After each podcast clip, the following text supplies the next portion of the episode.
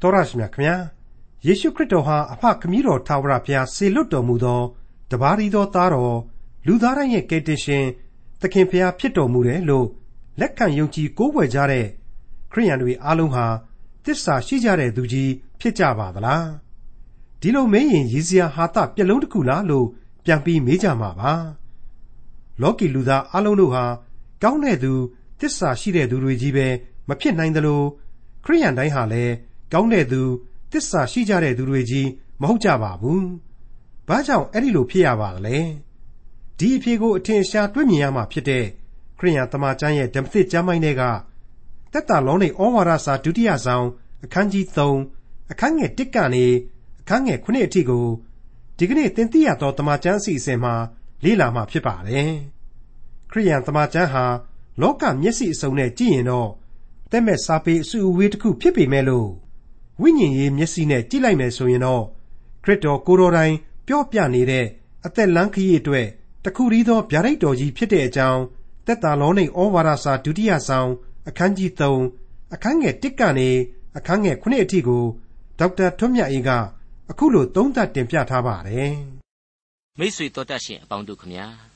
ကယ်တင်ရှင်သခင်ခရစ်တော်ရဲ့ဒုတိယအကြိမ်ကြွလာတော်မူခြင်းအကြောင်းများကိုအဓိကထားပြီးတော့ဖော်ပြပေးနေရတဲ့အပိုင်းတွေမှာ ကျွန်တော်အနေနဲ့အတော်ကြီးကိုပြားပန်းခတ်မြလေ့လာနေရတယ်။ဒါဟာစိတ်လှုပ်ရှားစရာလေအလွန်ကောင်းလှတယ်လို့ကျွန်တော်သတ်မှတ်ပါတယ်။ဟုတ်ပါတယ်။ယုံကြည်ခြင်းချစ်ခြင်းမျှော်လင့်ခြင်းဆိုတဲ့ခရစ်တော်ရဲ့ချစ်ခြင်းမေတ္တာတော်ကြောင့်စတင်ခံစားရတဲ့ဆုကျေးဇူးတို့ကိုထိတွေ့နေရတဲ့သက်သာလောနေမှသည်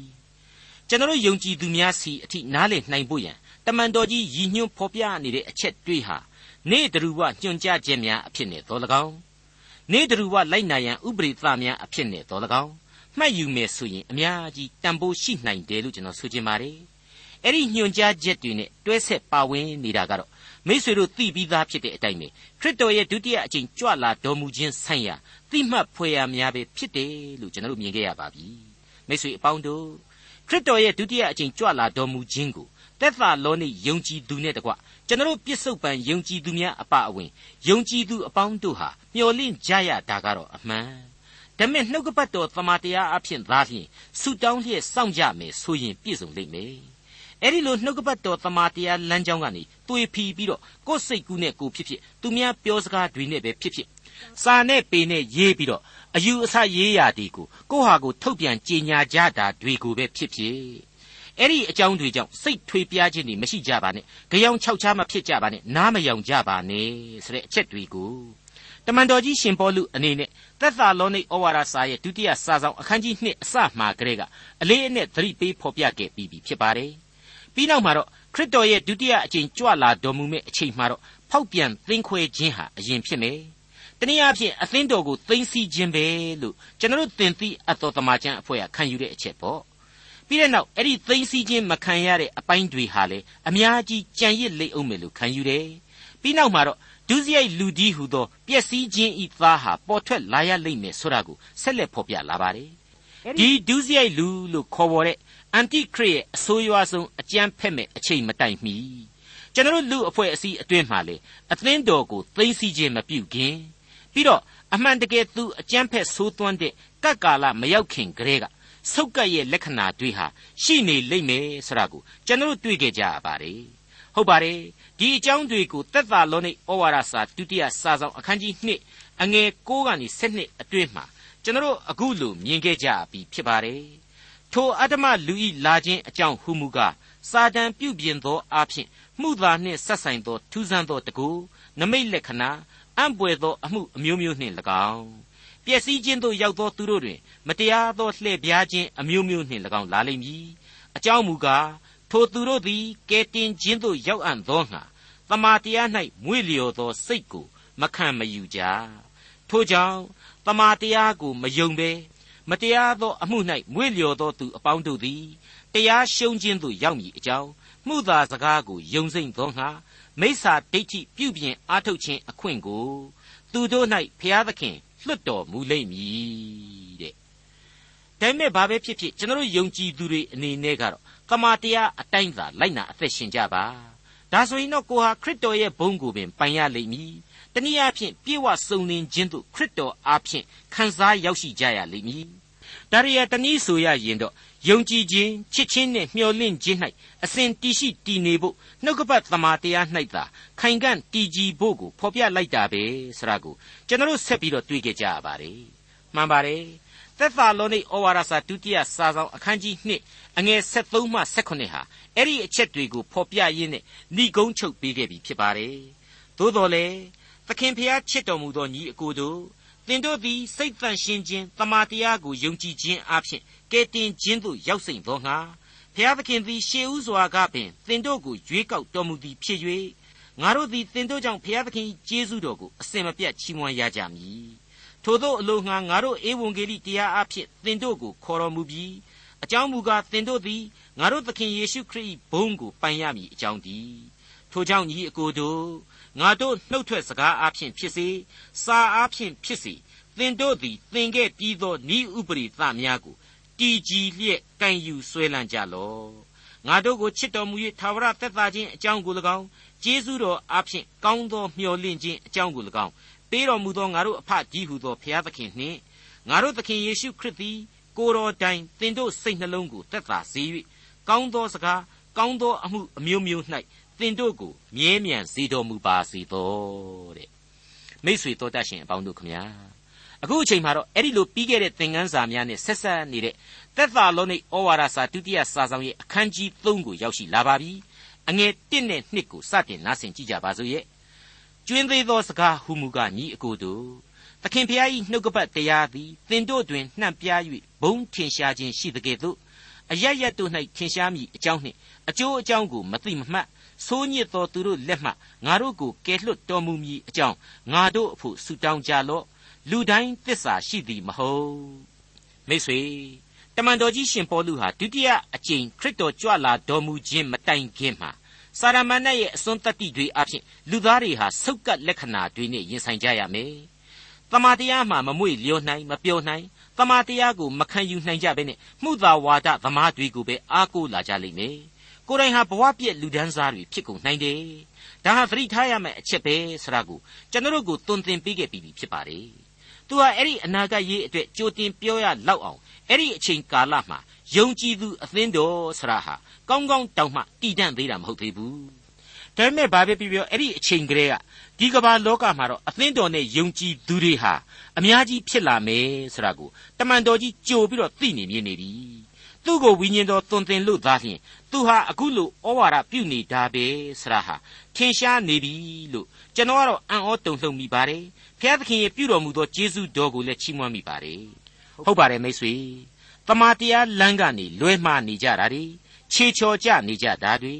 စာရမဏေရဲ့နှောက်ယှက်ခြင်းတွေကြောင့်ကြောက်မဲ့စရာကောင်းလှတဲ့အခြေအနေတွေဟာကျွန်တော်ရဲ့ကဘာကျွန်တော်ရဲ့အသင်းတော်ဒီမှာအမြဲမြင်တွေ့နေကြရပါတယ် အကယ်၍အဆိုးမြင်တယ်လို့ခံယူမယ်ဆိုရင်လေဒီကနေ့ဒီကဘာလောကကြီးကဖြစ်စဉ်တွေဟာဆုတ်ကတ်လို့ပြောရမယ်တွေးရမယ်လို့ကျွန်တော်တို့ထင်ပါတယ်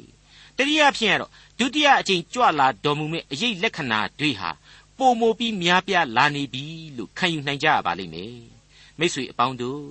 ရှင်ပေါလုအခုအပိုင်းမှာစပြီးပြောနေတာကတော့ဘုရားသခင်နှုတ်ကပတ်တော်အားဖြင့်လူသားဟာဆိုးညစ်၍အပြစ်၌နစ်မွန်းနေသောကမ္ဘာလောကကြီးထဲမှာယက်တည်နိုင်တယ် အသက်ရှင်လျှောက်လှမ်းသွားနိုင်တယ်ဆိုတဲ့အချက်ပါဟုတ်ပါတယ်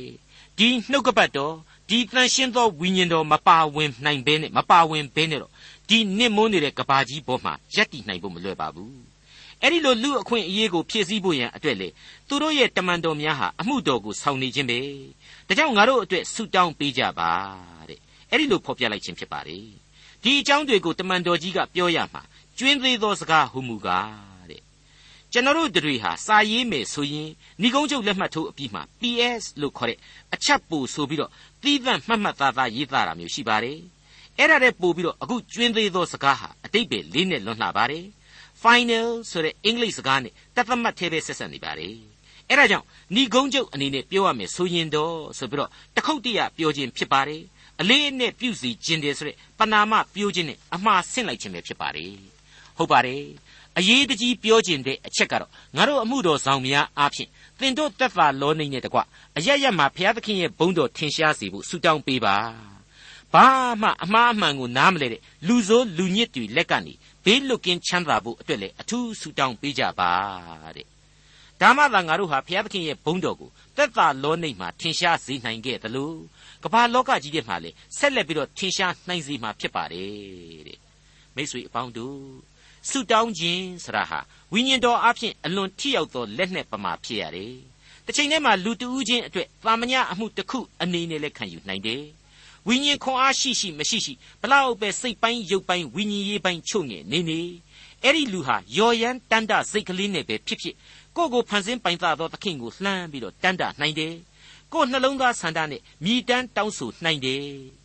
အဲ့ဒါဟာဆူတောင်းခြင်းပဲဖြစ်တယ်လို့ရိုးရိုးကလေးပဲကျွန်တော်ခံယူမိပါတယ်အခုတမန်တော်ကြီးဖော်ပြလိုက်တာဟာလည်းရှင်းနေပါတယ်မင်းတို့အဝေးကနေကုညီဖို့ကတော့ဆူတောင်းပေးဖို့ပါပဲ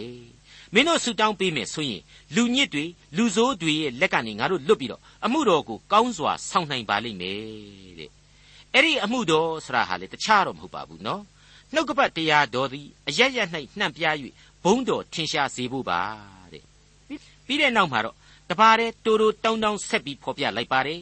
လူတိုင်းသစ္စာရှိသည်မဟုတ်ဆိုတဲ့အချက်ပါဒါဘာကိုဆိုလိုပါတလေအထက်ကပေါ်ပြခဲ့တဲ့အကျိုးအကြောင်းကိုအသိအမှတ်မပြုအကျိုးအကြောင်းကိုမသိမမှတ်ဆိုးညစ်တော်သူအဲ့ဒီပုဂ္ဂိုလ်တွေဟာတစ္ဆာတရားကိုနားမလည်ကြလို့ပဲဆိုတာဟာပထမအချက်အနေနဲ့ပေါ်လာပါတယ်အဲ့ဒီအထဲမှာလူတိုင်းဆိုတဲ့အချက်အားဖြင့်ဘုရားသခင်ကိုယုံကြည်ပါပြီဆိုတဲ့လူတွေတဲမှာကိုတစ္ဆာမရှိခြင်းတွေ အကျိုးအကြောင်းကိုမသိမမှတ်ခြင်းတွေစိုးညစ်ခြင်းတွေရှိလာနိုင်တယ်ဆိုတာကိုကျွန်တော်တို့တွေ့လာရပြန်ပါတယ်ဒါကိုရှင်းသွားအောင်လို့တသလောနိဩဝါဒစာဒုတိယစာဆောင်အခန်းကြီး3အငယ်3ကိုဆက်ပြီးတော့ဖတ်ပြလိုပါတယ်သို့တော်လေသခင်ဖျားသည်တစ္ဆာနှင့်ပြည့်စုံတော်မူ၏သင်တို့ကိုမြဲမြံစေ၍မကောင်းသောအမှုအရာနှင့်ကင်းလွတ်စေခြင်းဟာစောင့်မတော်မူလိမ့်မည်ရှင်းနေပါလေ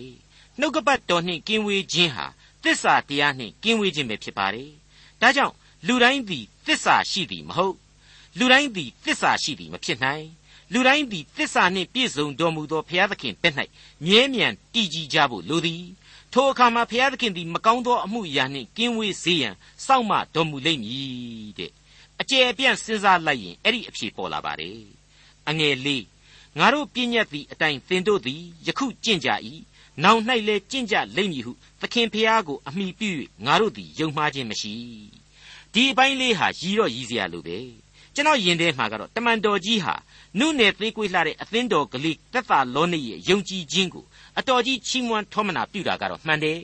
ဒါပေမဲ့လူအသွေးအသားနဲ့တိဆောက်ထားတဲ့လူသားတို့ရဲ့အသင်းတော်ဆရာဟာယာနှုံးပြည့်တော့စိတ်ချလို့မရဘူးတနေ့ရွှေတနေ့ငွေဆိုတဲ့သဘောတရားမျိုးဖြစ်နိုင်တယ် အချိန်မြေးဖောက်ပြန်ပျက်စီးလန်းလွဲနိုင်တယ်ဆိုတာဒီကို तू သိတယ်နားလေတယ်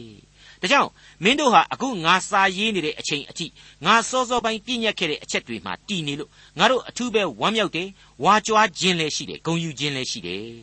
နောင်လဲအမြဲတမ်းအဲ့ဒီလိုစံချိန်မှီကြလိမ့်မယ်လို့သခင်ဖျားကိုအမိပြုတ်ပြီးတော့ယုံမှားခြင်းမရှိပါဘူးတဲ့ဟုတ်တယ်သခင်ဖျားကိုသာအမိပြုတ်ပြီးတော့ယုံတာ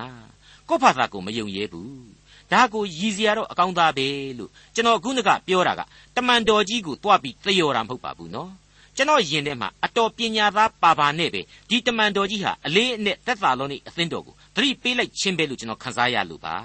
ဟုတ်ပါတယ်ဘုရားသခင်ကိုအမိပြုတ်ပြီးတော့ငါယုံတယ်မင်းတို့ကလည်းဘုရားသခင်ကိုအမိပြုတ်နိုင်ပါမှအဲ့ဒီယုံကြည်ခြင်းခိုင်ကန့်မြဲမြံနေနိုင်မှာပဲဖြစ်ပါတယ်ဆိုပြီးတော့ပြောလိုက်တာနဲ့အတူတူပဲလို့ကျွန်တော်ခံယူပါတယ်မိတ်ဆွေအပေါင်းတို့ ဖိလိပ္ပိအသင်းတော်တုန်းကလည်းတမန်တော်ကြီးဟာအခုလိုပဲဖိလိပ္ပိနဲ့ပတ်သက်တဲ့သူလွန်းဆွရတာဝမ်းမြောက်ရတာတွေကိုဖော်ပြတယ်ဒါပေမဲ့ဘယ်တော့မှဒီအပြစ်အနာအဆာနဲ့ဒီအသင်းတော်ဟာမလွတ်နိုင်ဘူးဆိုတာကိုသူသိတဲ့အတွက်ကြောင့်ယေရှုခရစ်၌ရှိသောစိတ်တော်ကိုသင်တို့၌လည်းရှိစေကြလောဆိုပြီးတော့ထည့်ပြီးတော့ဆုံးမခဲ့တာပဲဆိုတာကိုပြန်ပြီးစဉ်းစားသတိရဖို့လိုအပ်လာပါတယ်ဒါရင်ဘဲကအောင်မလဲအဲ့ဒီဖိလိပ္ပိအသင်းတော်အတွက် ဩဝါဒစာအခန်းကြီး3အငယ်73ကနေ78အတွင်းမှာဆိုရင်လေတမန်တော်ကြီးအခုလိုမှားကြားခဲ့ပါသေးတယ်ညီအကိုတို့ငါကင်မိပြီဟုကိုကိုကိုမထင်တော်လေငါပြုသောအမှုတစ်ခုဟုမူကားနောက်ကျသောအရာတို့ကိုမမှတ်ဖဲရှေ့၌ရှိသောအရာတို့ကိုလှမ်းကမ်း၍ယေရှုခရစ်အားဖြင့်ဘုရားသခင်သည်အထက်အရမှခေါ်တော်မူခြင်းနှင့်ဆိုင်သောဆုကိုရခြင်းငှာပန်းတုံးတိုင်သို့ငါလိုက်ပြေး၏ ထိုကြောင့်စုံလင်သောသူရှိသမျှတို့သည်ဤသို့သောသဘောကိုဆွဲလန်းရကြမည်သင်တို့သည်တစုံတစ်ခုသောအရာ၌သဘောချနာလျင်ထိုအရာကိုပင်ဘုရားသခင်ဖော်ပြတော်မူလိမ့်မည်သို့မဟုတ်တော့လေယခုမိသမျှအတိုင်းတနည်းဒီကျင့်၍တသဘောဒီရှိရကြမည်ညီအကိုတို့ငါကျင့်သည်နိတူသင်တို့သည်တညီတညွတ်တီကျင့်ကြလော့ငါတို့ပေးသောပုံသက်သည်နှင့်အညီကျင့်သောသူတို့ကိုလည်းရှုမှတ်ကြလော့ အဲ့ဒီတိုင်းပါပဲကောလောသဲအသင်းတော်ဆရာဟာလေသူအတော်စိတ်တိုင်းကြခဲ့တဲ့အသင်းတော်ကြီးဖြစ်တယ်ဆိုတာမငြင်းနိုင်ပါဘူးဒါပေမဲ့သူ့စိတ်ထဲမှာကျေနပ်သလားဆိုတော့အပြည့်အဝမကျေနပ်နိုင်ဘူးစိတ်မချနိုင်ခဲ့ဘူးစုံလင်ခြင်းအဖွဲ့အစည်းဖြစ်ဖို့လိုအပ်တယ်ခရစ်တော်ရဲ့ချစ်ချင်းမေတ္တာအဖြစ်ငြိမ်သက်ခြင်းရှိကြရလိမ့်မယ်ခရစ်တော်၌တလုံးတဝတည်းတည်ရှိတည်နေကြရမယ်ဆိုတာကိုဖော်ပြပေးခဲ့ပြန်ပါတယ်ဒါကိုကောလောသဲဩဝါဒစာအခန်းကြီး3အငယ်7မှာ အငယ်7မှ15အတွင်းမှာအခုလိုကျွန်တော်တို့ပြန်ပြီးတော့တွေ့နိုင်ပါတယ်ထို့ကြောင့်သင်တို့သည်ဖျားသခင်ရွေးကောက်တော်သူတန်ရှင်းတော်သူချစ်အပ်သောသူကဲ့သို့သနာဆုံမဲ့ခြင်းကျေးဇူးပြုခြင်းစိတ်နှိမ်ချခြင်းနူးညံ့သိမ်မွေ့ခြင်းစိတ်ရှည်ခြင်းတို့ကိုယူတင်ဝတ်ဆောင်ကြလော့တယောက်၌တယောက်အပြစ်တင်စရာအခွင့်ရှိလျင်အချင်းချင်းသီးခံ၍အပြစ်ကိုလွှတ်ကြလော့ ခရစ်တော်သည်သင်တို့၏အပြစ်ကိုလွှတ်တော်မူတဲ့ကဲ့သို့ထိုနည်းတူပြုကြလော့စုံလင်ခြင်းအဖွဲ့အစည်းဒီဟုသောချစ်ချင်းမေတ္တာကိုထပ်၍ယူတင်ဝတ်ဆောင်ကြလော့သင်တို့စိတ်နှလုံးအထက်၌ခရစ်တော်၏ယိမ်သက်ခြင်းအုပ်ဆိုးစေ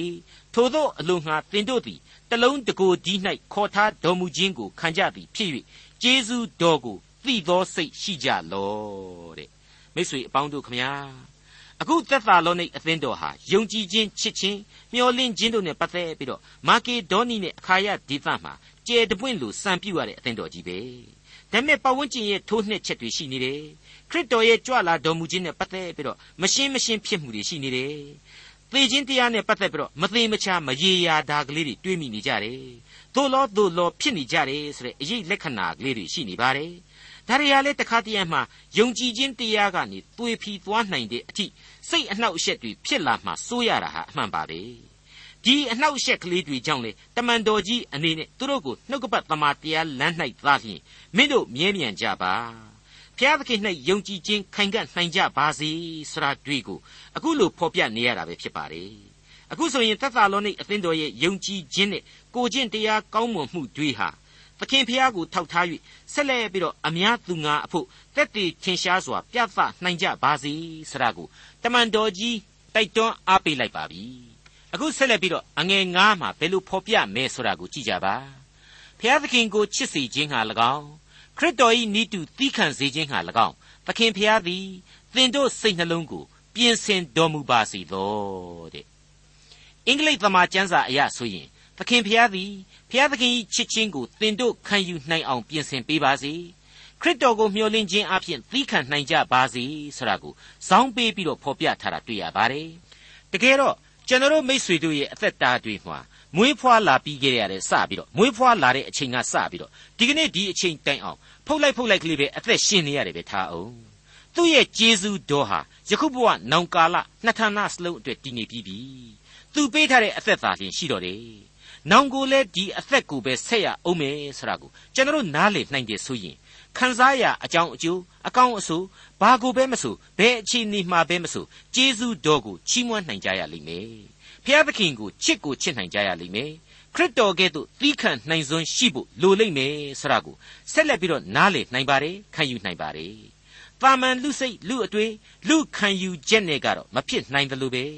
ဒါပေမဲ့ဖျားရှင်ချထားပေးတဲ့ဝိညာဉ်တော်ထံမှခွန်အားရမယ်ဆိုရင်တော့မဖြစ်နိုင်စရာအကြောင်းရဲ့လို့ဘာလို့ဘာမှမရှိဘူးလို့ကျွန်တော်အလေးအနက်တင်ပြလိုက်ပါတယ်မိတ်ဆွေအပေါင်းတို့ခမညာဘုရားသခင်ကိုချစ်ချင်းစိတ်ဟာသီးခံခြင်းစိတ်များကိုလည်းပွားများရစေတယ်လို့ကျွန်တော်ကတော့မောရှေရဲ့အသက်တာယောရှုရဲ့အသက်တာဒါဝိမင်းကြီးရဲ့အသက်တာတို့နဲ့နှိုင်းယှဉ်ပြီးတော့စဉ်းစားမိပါတယ်မောရှေဟာဆိုရင်လေတစ်ချိန်တစ်ခါမှာဘုရားသခင်ရှိတော်မှောက်မှာအပြစ်ကလေးတစ်ခုအတွက် အိုသေးကန်နီးမှမှအဲ့ဒီအပြစ်ကလေးတစ်ခုအတွက်အပြစ်စီရင်ခြင်းကိုတွားပြီးတော့ခံရတယ်မင်းဆိုရဲမောရှိငါ့ကိုတစ်ချိန်တစ်ခါတုန်းကဘူးလုပ်ခဲ့ဘူးတဲ့မင်းခါနန်ပြည်ကိုမဝင်ရဘူးတဲ့ဒါမဲ့မင်းအဲ့ဒီခါနန်ပြည်ကိုတော့မင်းကြည်မြင်ခွင့်ပေးမယ်နေဘောတောင်တန်းပေါ်ကပိတကာတောင်ထိပ်ကိုမင်းတက်ပြီးတော့ခါနန်ပြည်ကိုကြည်စမ်းဆိုတဲ့အချိန် အဖိုးကြီးဖြစ်နေပြီဖြစ်တဲ့ဖြစ်ရှာတဲ့မောရှိခမရမှာအသက်120ရှိနေပြီဖြစ်တဲ့မောရှိခမရမှာတောင်ဝေးကြီးတစ်ချောင်းနဲ့အဲ့ဒီတောင်ပေါ်ကိုကုန်းကုန်းကုန်းတဲပြီးတော့အမိန်တော်အတိုင်းသူမဝင်ရတဲ့ခါနန်ပြည်ကိုကြည့်ရှုခဲ့ရတယ်ဆိုတာကိုကျွန်တော်တို့တရားသူကြီးမှတ်စာတွေမှာတွေ့ခဲ့ရပါတယ်ငါ့ကိုဒီအရွယ်ကြီးရောက်တဲ့အထိညှင်းဆဲလိုက်တာဆိုတဲ့ပုံစံမျိုးတခါမှသူဟာမဖော်ပြခဲ့ဘူးဖျားသခင်ခိုင်းရင်ခိုင်းတဲ့အတိုင်းပဲ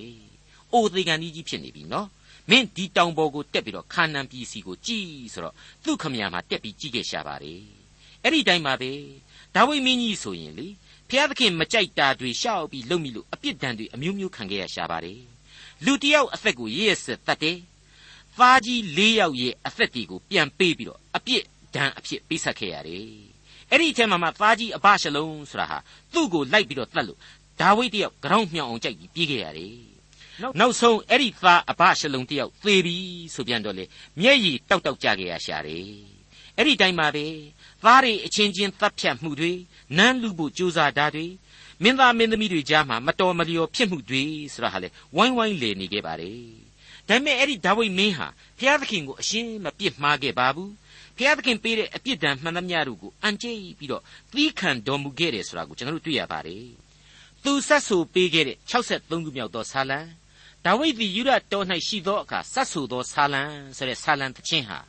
ဘုရားသခင်ကိုချစ်ရခြင်းဘုရားသခင်ကိုချစ်ခြင်းအပြင်ခံစားရတဲ့လူသားတစ်ယောက်ရဲ့ကျေးဇူးတော်ရသတို့အကြောင်းကိုပဲ့တင်ထပ်မျှဖော်ပြနေတယ်လို့ကျွန်တော်ဆိုချင်ပါတယ်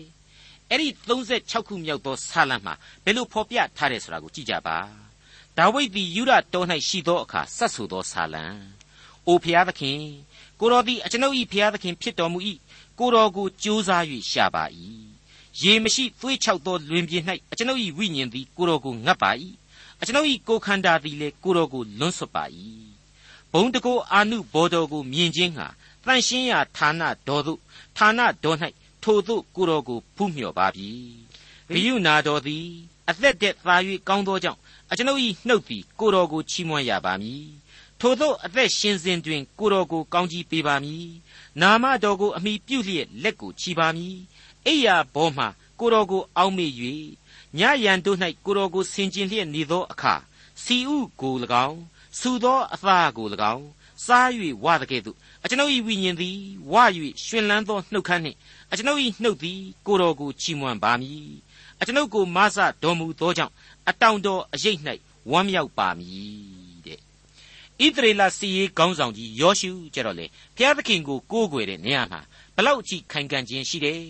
ယုံကြည်ခြင်းတရားနဲ့ပတ်သက်လို့အထိဘလောက်အထိသစ္စာမြဲတယ်ဆိုတာကိုသူ့စကားဟာတက်တည်ပြနေပါတယ်ငါနှင့်ငါအိမ်သားဖြစ်လျင်ထာဝရဘုရားကိုသာဝတ်ပြုမည်တဲ့မိတ်ဆွေအပေါင်းတို့ငါပြည့်ညက်ခဲ့တဲ့အချက်ကလေးတွေကိုမင်းတို့သက်သာလောနိအသင်းဝင်သူတွေဟာစောင့်ရှောက်ကြတာအတွက်ငါကျေးဇူးတော်ချီးမွမ်းပါတယ်ရှေ့လျှောက်ပြီးတော့လေမင်းတို့စောင့်ရှောက်ကြပါလိမ့်မယ်လို့ဘုရားသခင်ကိုအမိပြုပြီးတော့ငါယုံတယ်ဆရာဟာ တကယ်တော့ဘုရားသခင်ထံမှခွန်အားနဲ့သာမင်းတို့စောင့်ရှောက်နိုင်ကြမှာဖြစ်တယ်ဆိုတာကိုဆိုလိုတဲ့အကြောင်းကျွန်တော်တို့တွေ့ကြကြပြီးပါပြီမှန်ပါတယ်ခရစ်တော်ပြောခဲ့တဲ့စကားကတော့ငါ့ကိုချစ်ရင်ငါပြည့်ညတ်တို့ကိုစောင့်ရှောက်လောဆိုတဲ့စကားပဲဖြစ်ပါတယ်ဘုရားသခင်ကိုအမှန်တကယ်မချစ်နိုင်တဲ့လူ